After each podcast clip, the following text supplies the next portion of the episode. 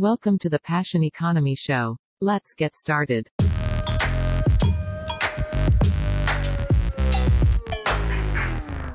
Oke, halo semuanya. Di episode kali ini kita akan bahas seputar dunia jahit-menjahit bareng Mas Sentot Wicaksono, owner dari Rajin Rapi Tailor. Nah, Mas Sentot juga memiliki sebuah channel YouTube dengan nama Belajar Menjahit bersama Rajin Rapi Tailor yang memiliki lebih dari 367 ribu subscribers, di mana Mas Sentot memberikan banyak sekali tutorial seputar jahit-menjahit. Nah, ini menarik sekali karena passion yang dimiliki dan dijalani Mas Sentot juga dibagikan ke banyak orang melalui channel YouTube-nya. Dan kita akan langsung nih ngobrol-ngobrol sama Mas Sentot. Nah, apa kabar Mas? Kabar baik.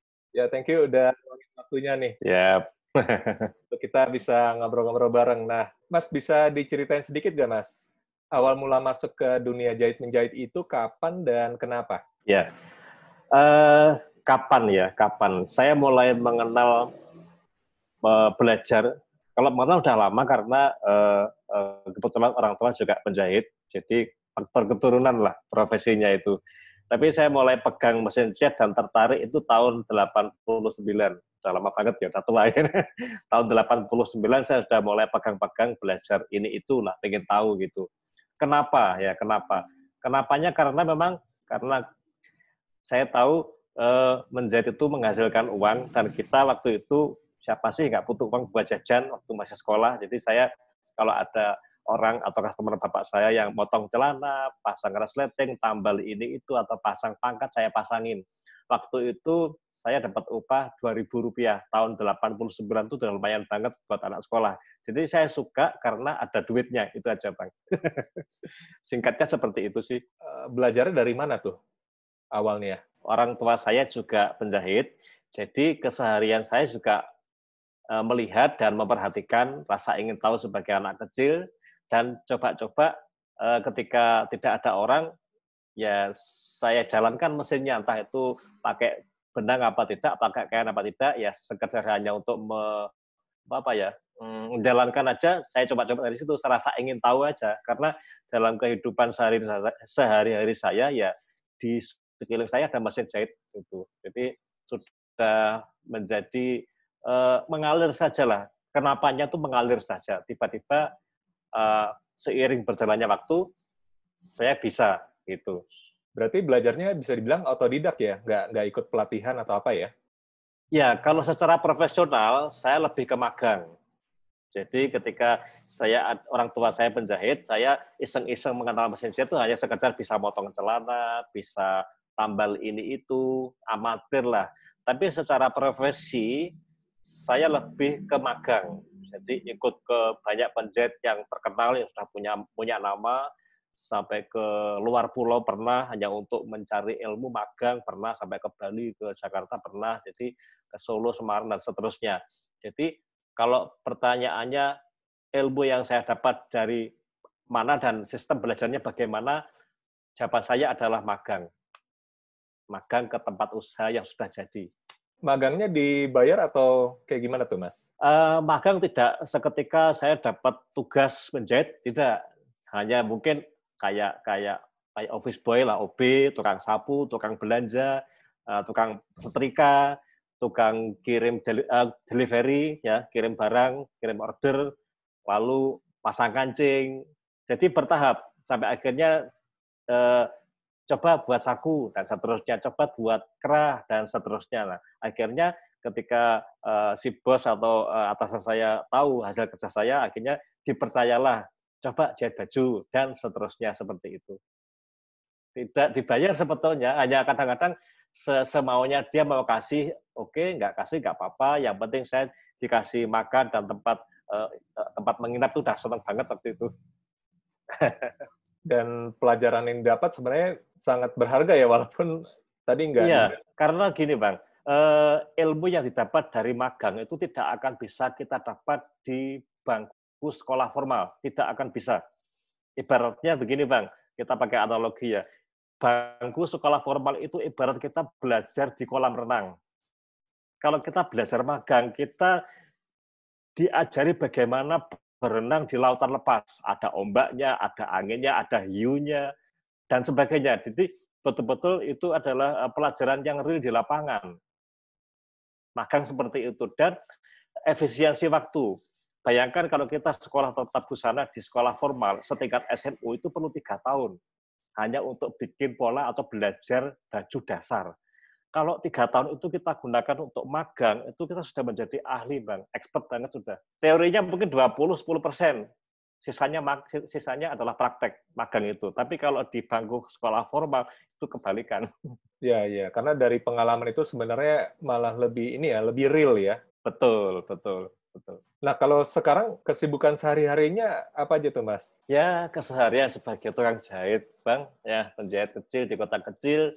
Tapi lumayan, lumayan. Kalau kita uh, uh, pandai memanage usaha, jadi sedikit lebih smart lah, pinter lah, jangan dikelola secara tradisional ya Bang ya. Jadi kita harus menentukan uh, pangsa pasar kita, kelas yang mana, dan kita juga bisa ukur uh, apa namanya target kita siapa, ya jadi kita kalau mau pengen ini gini bang, saya kasih pendahuluan ya. Menjahit itu luas banget. Lah segmen yang saya pegang itu adalah tailor. Apa yang membedakan tailor dengan profesi penjahit lain ya? Tailor itu lebih ke seni, lebih ke desain, lebih ke custom, bukan produk massal.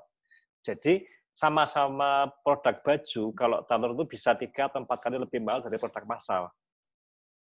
Nah, dan kita punya hak untuk menentukan harga tanpa ada yang bisa mengontrol atau membandingkan kita dengan harga produk lain. Karena produk seni, produk custom, bukan produk massal. Nah, jadi beda dengan penjahit lain yang bergerak di bidang garment, konveksi, dan sebagainya. Tailor itu kita ukur baju orang per orang. Request sebetul apa pun kita harus bisa melayani. Nah, di situ kita bisa kasih harga semau kita asal wajar sesuai dengan customer kita. Ya, kalau customer udah cocok sama kita, kita mau pasang harga berapapun dia akan bayar.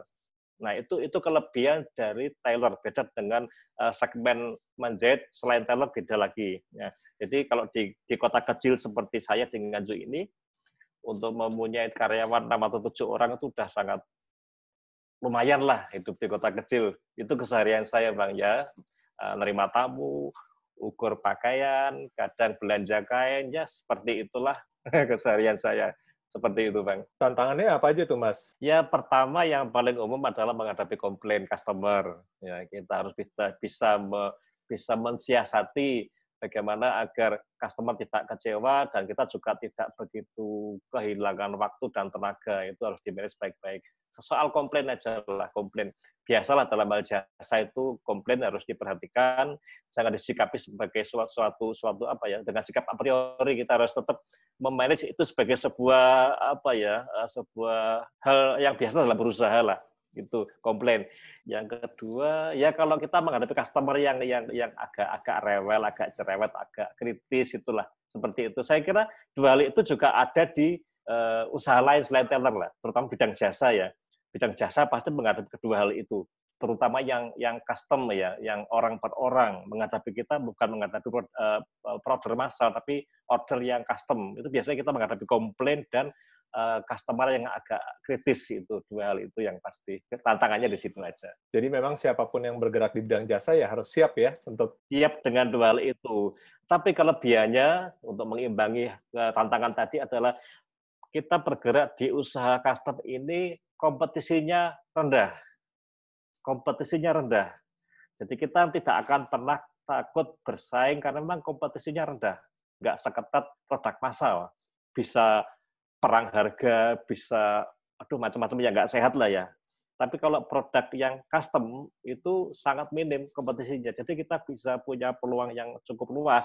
Cuman ya itu tadi, produk kita nggak akan bisa dibuat massal. Jadi kapasitasnya terbatas memang sih. Karena ada unsur seni di situ. Kenapa bisa dibilang kompetisinya rendah? Karena produk jasa itu, terutama yang custom, punya karakter, Bang. Punya karakter. Jadi gini, kita misalkan ada mie instan merek A ya, itu dijual di ribuan tempat dan itu harganya sama, rasanya sama. Nah, tapi kalau produk jasa apalagi yang custom, meskipun sama-sama tukang jahit, itu punya karakter berbeda dalam hal pelayanan atau dalam cara eh, harga, kualitas dan sebagainya. Itu pasti punya punya punya punya selling point masing-masing, tidak bisa di compare itu. Kalau jasa, apalagi dalam bidang seni, desain. Nah, Taylor masuk di dalamnya. Jadi ada unsur desain, ada unsur seni, uh, itu masuk masuk ke segmen Taylor. Tapi kalau segmen menjet yang lain, misalkan ke ke ke konveksi atau garment mungkin tidak akan serumit Taylor sih memang. Jadi memang ya karena ini lebih ke seni ya cocok-cocokan ya customer kan pasti beda-beda ya. Betul. Jadi orang jual jasa kalau lebih spesifik ke Taylor itu faktor bagus atau faktor harga nomor kesekian. Bahkan yang paling menentukan itu faktor X, Bang. Faktor X itu ya tidak bisa dianalisa, faktor cocok tadi. Jadi kalau kita sudah terlanjur cocok sama si A, tanpa alasan yang jelas kita cocok aja. Misalkan abang suka uh, pakai jasa potong rambut di sana di tempat A, sebetulnya istimewanya apa sih dia? Ya nggak tahu. Tapi kalau nggak di sana kita nggak akan cocok gitu kan. Nah, ada kesamaan tukang potong rambut dengan jasa tailor. Jadi itu uh, tukang potong rambut juga punya punya gaya, punya style dia, punya style masing-masing. Jadi kita nggak bisa bandingkan style si A, style si B. Dia punya style masing-masing. Nah, kita cocoknya sama pangkas rambut yang A gitu. Sama dengan Taylor seperti itu. Makanya itu saya sebut kompetisinya rendah karena memang tiap penjual jasa yang mengandung seni custom, seni dan custom tadi punya karakter yang masing-masing, berbeda. Tidak akan sama satu sama lain. Berarti sekali cocok, nempel terus ya? Hampir pasti. Selama kita tidak mengecewakan ya. Tapi kalau mengecewakannya nggak terlalu parah, biasanya di, di, dimaafkan, di excuse lah istilahnya. masih masih bisa. Karena kadang pernah sih kejadian sekali dua kali pelanggan kecewa sama kita, entah karena ada kenaikan harga, entah karena waktunya agak molor, dia mencoba pindah ke tempat lain. Tapi karena faktor sugesti, dia udah kadang cocok sama kita, di tempat barunya dia nggak akan nggak akan cocok, nggak kayak si A dulu ya Nah, pasti cepat atau lambat dia akan kembali ke kita. Dan saya yakin pengalaman saya juga akan dialami oleh banyak penjahit teller lain atau tuh, uh, jenis usaha yang mirip-mirip dengan kita, yang sifatnya custom.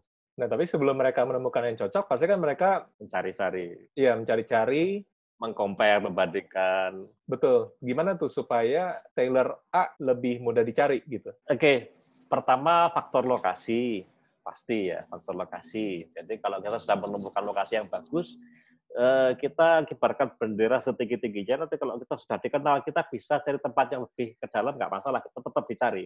Tapi untuk yang baru buka usaha, ya harusnya pertama itu lokasi. Kedua, kualitas kerja kita, hasil karya kita. Eh, se, se, sebagus apa dibandingkan yang lain. Kita harus bisa mengukur diri kita. Kita, kalau saya dulu, uh, mau buka usaha itu sedikit apa namanya uh, mempelajari dulu. Saya cari tailor yang paling besar di kota saya, yang paling mahal di kota saya. Saya jahitkan ke dia. Oh hasilnya seperti ini.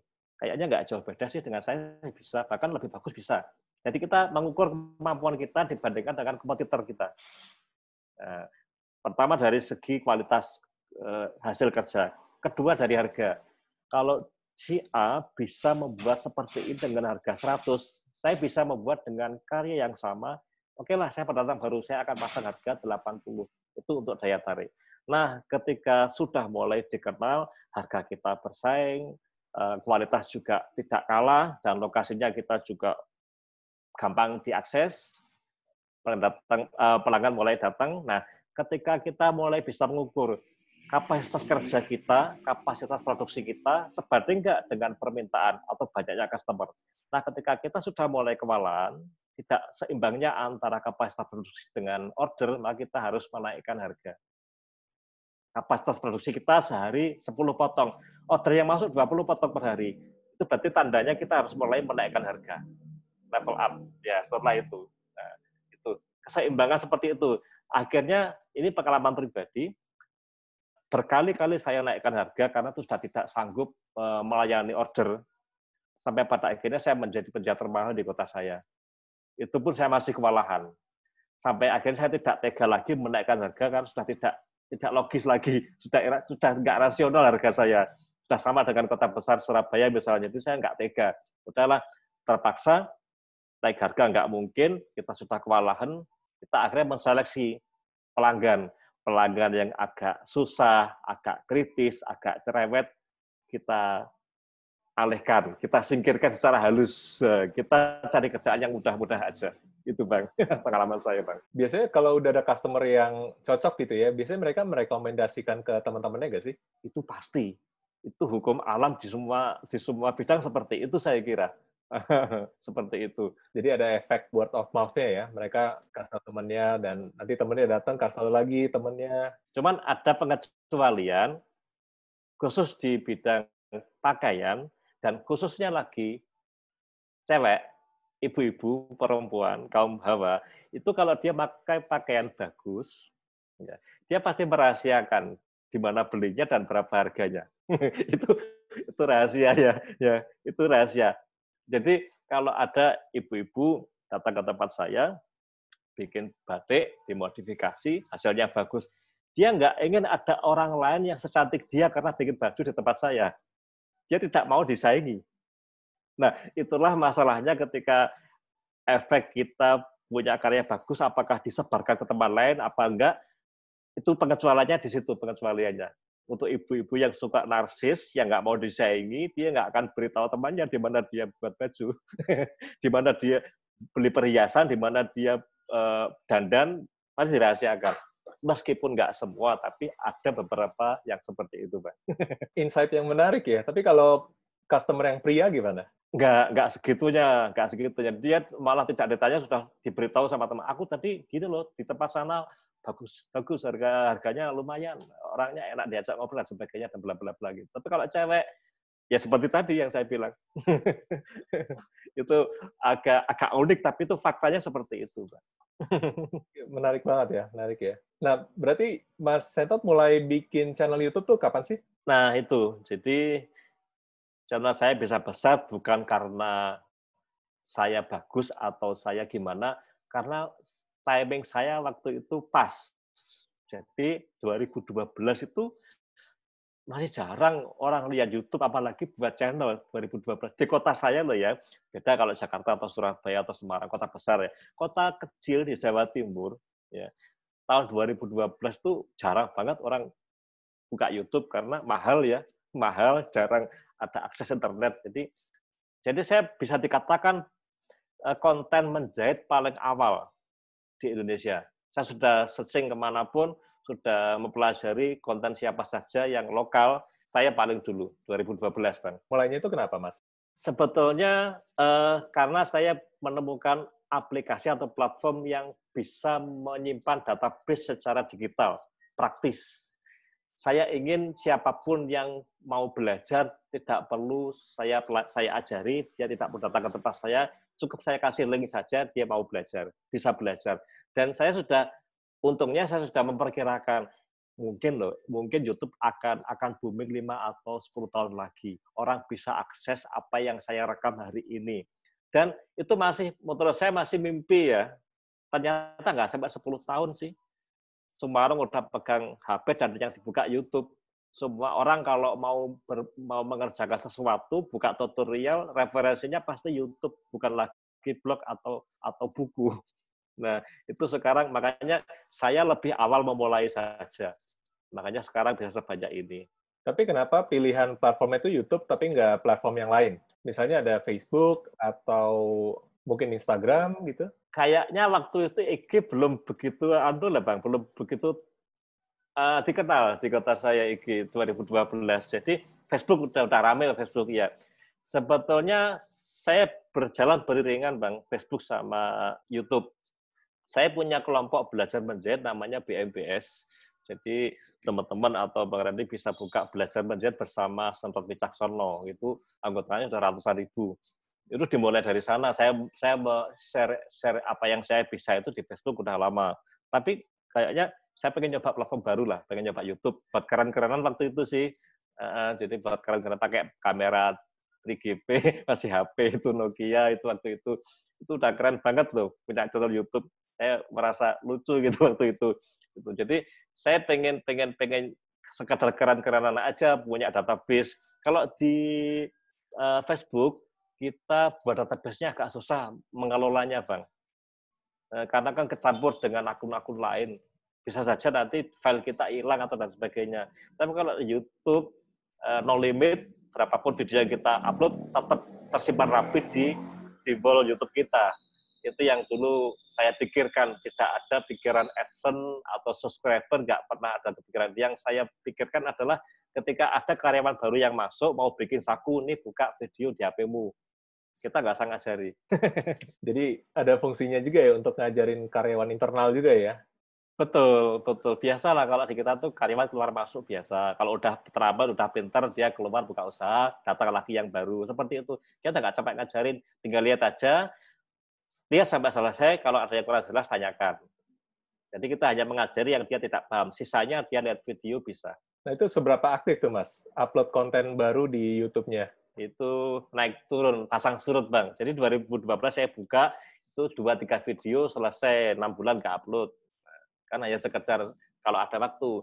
2015 mulai mulai kenceng saya bikin video karena saya mendengar ada belum mengenal AdSense, belum mengenal monetize. Ya, saya, yang saya dengar adalah eh, kita bisa dapat duit loh dari YouTube. Caranya gimana? Katanya dari iklan dan sebagainya, kan dari mulut ke mulut saya pikir itu berita bohong atau gimana tapi saya mulai sedikit agak agak, agak penasaran kan. Saya googling saya searching browsing dan sebagainya.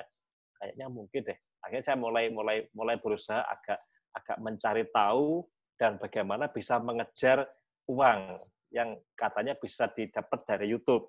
Nah, ternyata saya dapat email verifikasi dari Google tahun 2015 saya nggak tahu apa itu amplop ya.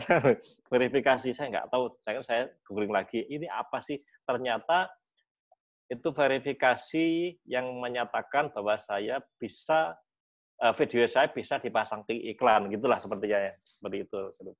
Dan saya juga kurang ngeh apa itu. Saya bikin video aja. Nah saya buka apa itu? Grafik di YouTube itu namanya apa toh? Lah saya lupa. Nah itu ada beberapa video yang monetesnya itu ada 0,0 sekian dolar gitu loh bang. Wah penasaran, ternyata bisa ya. Terus kepikiran gimana cara mencarikannya itu. Gitu. Gagal kan bang, putus asa saya. Udah. Saya itu 2015, 2015 sempat beberapa kali bikin video, down lagi, males lagi, males lagi. Tiba-tiba 2017 di rekening saya ada duit. Ini duit dari mana? Saya bingung. Usut punya usut ternyata dari Google. Nah, itu mulai, mem waduh, ternyata benar ya. Akhirnya saya timbullah semangat baru, semangat baru. Langsung saya buat beli properti, buat kamera, beli lighting dan sebagainya 2017 akhir. Dan setelah itulah saya mulai buat video seminggu sekali dan tidak lagi buat video asal-asalan. Saya eh, meskipun dengan peralatan terbatas, kamera murah, tapi saya berusaha mencari referensi video tutorial dari luar negeri. Seclear mungkin, sejelas mungkin, dan saya harus bisa memberikan apa yang konten lain tidak punya. Soal detail, meskipun saya nggak berani menampakkan wajah terus-menerus, bang, saya nggak pede. Jadi banyak video saya yang nggak menampilkan wajah, cuma suara aja. Tapi saya berusaha mencari kelebihan. Jadi jangan sampai video saya itu biasa. Harus punya sisi yang lebih dibandingkan video yang lain. Jadi harus ada alasan kenapa orang memilih saya untuk buat tutorial, untuk membuat baju dengan tutorial. Kenapa orang harus punya alasan yang jelas. Jadi kata feedback dari teman-teman eh, subscriber dari teman saya detail meskipun agak bertele-tele tapi detail jadi masih bisa dipahami jarang jarang adegannya di skip jadi kalau video tutorial itu kebanyakan ada yang di skip bang jadi orang bingung mau mempelajari itu. Nah, waktu itu ada lihat-lihat referensi juga sih dari video-video di luar atau mungkin yang lokal juga? Pasti. Yang lokal waktu itu belum begitu banyak, Bang. Belum begitu banyak. Nah, setelah saya katakan sudah mencapai 100 ribu, itu mulai menjamur. Channel YouTube yang kontennya sama dengan saya. Nah, tapi kebanyakan saya juga menjadi tulen ya, Bang. Mulai jadi karyawan sampai jadi istilahnya majikan lah ya saya tahu tukang jahit itu nggak akan pernah sempat buat video, apalagi editing, membuat konsep, membuat skenario, nggak akan sempat. Nah, kebanyakan mereka yang punya channel baru, sama dengan saya, itu adalah ibu-ibu rumah tangga. Kemampuannya terbatas. bukan profesional di bidang menjahit. Ya. Kalaupun ada, mereka adalah lulusan modest, lulusan kursus, lulusan akademi besar dan sebagainya. Sekali lagi, pendidikan formal. Nah, jarang sekali orang punya konten sebagai penjahit berlatar belakang penjahit profesional. Belum belum belum ada waktu itu. Tapi agar-agar ini mulai ada. Nah, ketika ada penjahit profesional yang punya waktu untuk buat video, dia tidak punya kemampuan dalam hal uh, editing, tidak punya kemampuan dalam hal lighting, dan sebagainya. Nah, kebetulan saya itu orangnya serba ingin tahu, cepat belajar. Nah, jadi apa pun yang menurut saya eh, menarik itu pasti saya pelajari, saya libas habis, harus bisa. Gitu. Lah itu jadi saya sedikit lebih lebih lebih lebih maju karena nggak nggak mau setengah-setengah. Kalau bikin konten itu gimana? Mungkin di malam hari kah setelah uh, pekerjaan selesai atau di weekend? Bagaimana yang pasti hari minggu pasti hari minggu. Jadi rekamannya satu hari ngeditnya ya kurang lebih ya bisa satu minggu jadinya 10 menit bang Itu ngerjain semuanya sendiri, Mas? Sementara masih sendiri, karena saya masih hijau sendiri. Jadi gini, konten seperti Rajin Rapi itu tidak bisa diwakilkan sembarangan, Bang. Karena sifatnya tutorial, sangat khusus. Beda dengan konten hiburan, atau konten prank, atau konten eh, apa namanya reaction, beda. Ini tutorial dan menjahit. Jadi kalau kita serahkan ke orang yang tidak bisa menjahit, acak adul, Bang ada step yang dihilangkan yang bikin orang lihat nggak paham. Jadi sementara ini masih saya nikmati sendirian semuanya. Ya ada istri yang bantu. Kebetulan istri bisa membuat konsepnya, kebetulan juga penjahit, bisa bantu-bantu mencarikan referensi. Minggu depan bikin apa ini? Ya itu. Berarti tadi syutingnya kan satu uh, satu hari ya. Nah editnya seminggu ya mas? Kurang lebih satu minggu. Uh, nyicil waktunya gimana? Empat hari dua tiga jam santai aja, nanti aja paling-paling jam 8 sampai jam 10. Atau kalau, kalau lagi malas ya nggak edit gitu. Yang penting Sabtu harus selesai. Jadi rekaman Minggu Sabtu harus selesai. Seperti itu. Tapi santai banget, bukan dalam artian seminggu itu terus menerus satu hari satu jam kerja satu hari ke enggak sih, sehari cuma dua tiga jam. Kadang kalau pas eh, kontennya ringan ya bisa tiga hari selesai atau enam jam selesai. Jadi tepatnya bukan satu satu minggu sih, tepatnya dua kali lima, sepuluh jam lah. sepuluh jam. Karena dibagi per hari dua jam, ya jadinya lima hari, Bang. Seperti itu. Berarti ya seminggu bisa satu video lah ya? Satu video dulu, Bang. Makin ke sini makin males, Bang. Sorry. Karena apa? Terus terang, adsense nggak banyak. Jadi gini, saya bisa cerita dikit. Budaya orang kita itu, kalau lihat video tutorial, nontonnya 10 detik langsung download, Bang nggak yakin lihat sampai selesai itu nggak yakin. Apalagi mereka yang setia sama saya, justru nggak perlu dilihat. Begitu ada notif masuk, langsung download, Bang. itu lemahnya tutorial seperti itu. Kelebihannya apa? Video tutorial. Kelebihannya adalah tidak termakan oleh waktu. Hampir semua video saya masih dilihat orang. Beda dengan konten berita. Hari ini dilihat, besok nggak ada yang lihat, Bang tutorial itu sampai kapan pun akan dilihat orang. 200 200 video saya lebih mungkin ya, itu masih dilihat orang sampai sekarang. Mulai dari yang pertama sampai yang terakhir. Itu kelebihan tutorial. Video apa pun yang penting tutorial itu masih akan dilihat orang sampai kapan pun. Tapi tutorial itu pasti di-download, Bang. Nggak mungkin dilihat real time, nggak mungkin. Nah, itu kelemahannya di situ, Bang. Jadi, kenapa saya santai? Karena memang action-nya kecil nggak sebanding dengan subscriber saya, nggak sebanding dengan konten yang lain. Karena tutorial itu orang cenderung untuk mendownload dulu, disimpan di laptopnya, nanti kalau pas praktek dia lihat bisa di-post gitu loh Bang. Seperti itu kira-kira. Ya, menarik ya insight-nya. Ada nggak sih Mas feedback dari penonton video-videonya Mas Setot yang lumayan berkesan gitu, yang diingat sampai sekarang? Secara khusus sih nggak ada ya, tapi ketika saya mulai kehilangan motivasi, mulai malas, mulai mulai bad mood, angin-anginan itu saya baca-baca komen gitu ya. Jadi merasa ada yang salah kalau saya nggak buat video. Jadi mereka tuh menyemangati saya, memotivasi saya untuk selalu buat video baru seperti itu, Bang.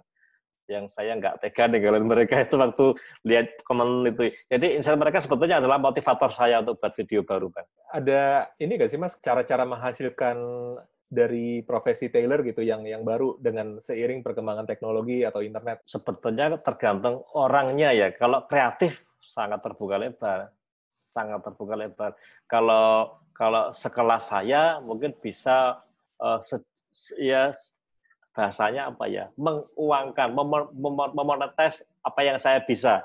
Misalnya dengan kursus online bisa seperti ini pakai zoom call kita ajarin privat ke orang lain. Nah ada banyak seperti itu. Mungkin tergantung kreativitas masing-masing orangnya sih. Ya ada banyak yang bisa kita buat untuk menguangkan, menghasilkan dari profesi menjahit sebetulnya. Kalau kursus online itu di mana mediumnya? Yang saya tahu yang masih masih masih konvensional banget itu biasanya kan grup WA, grup Facebook yang yang rahasia, yang privat.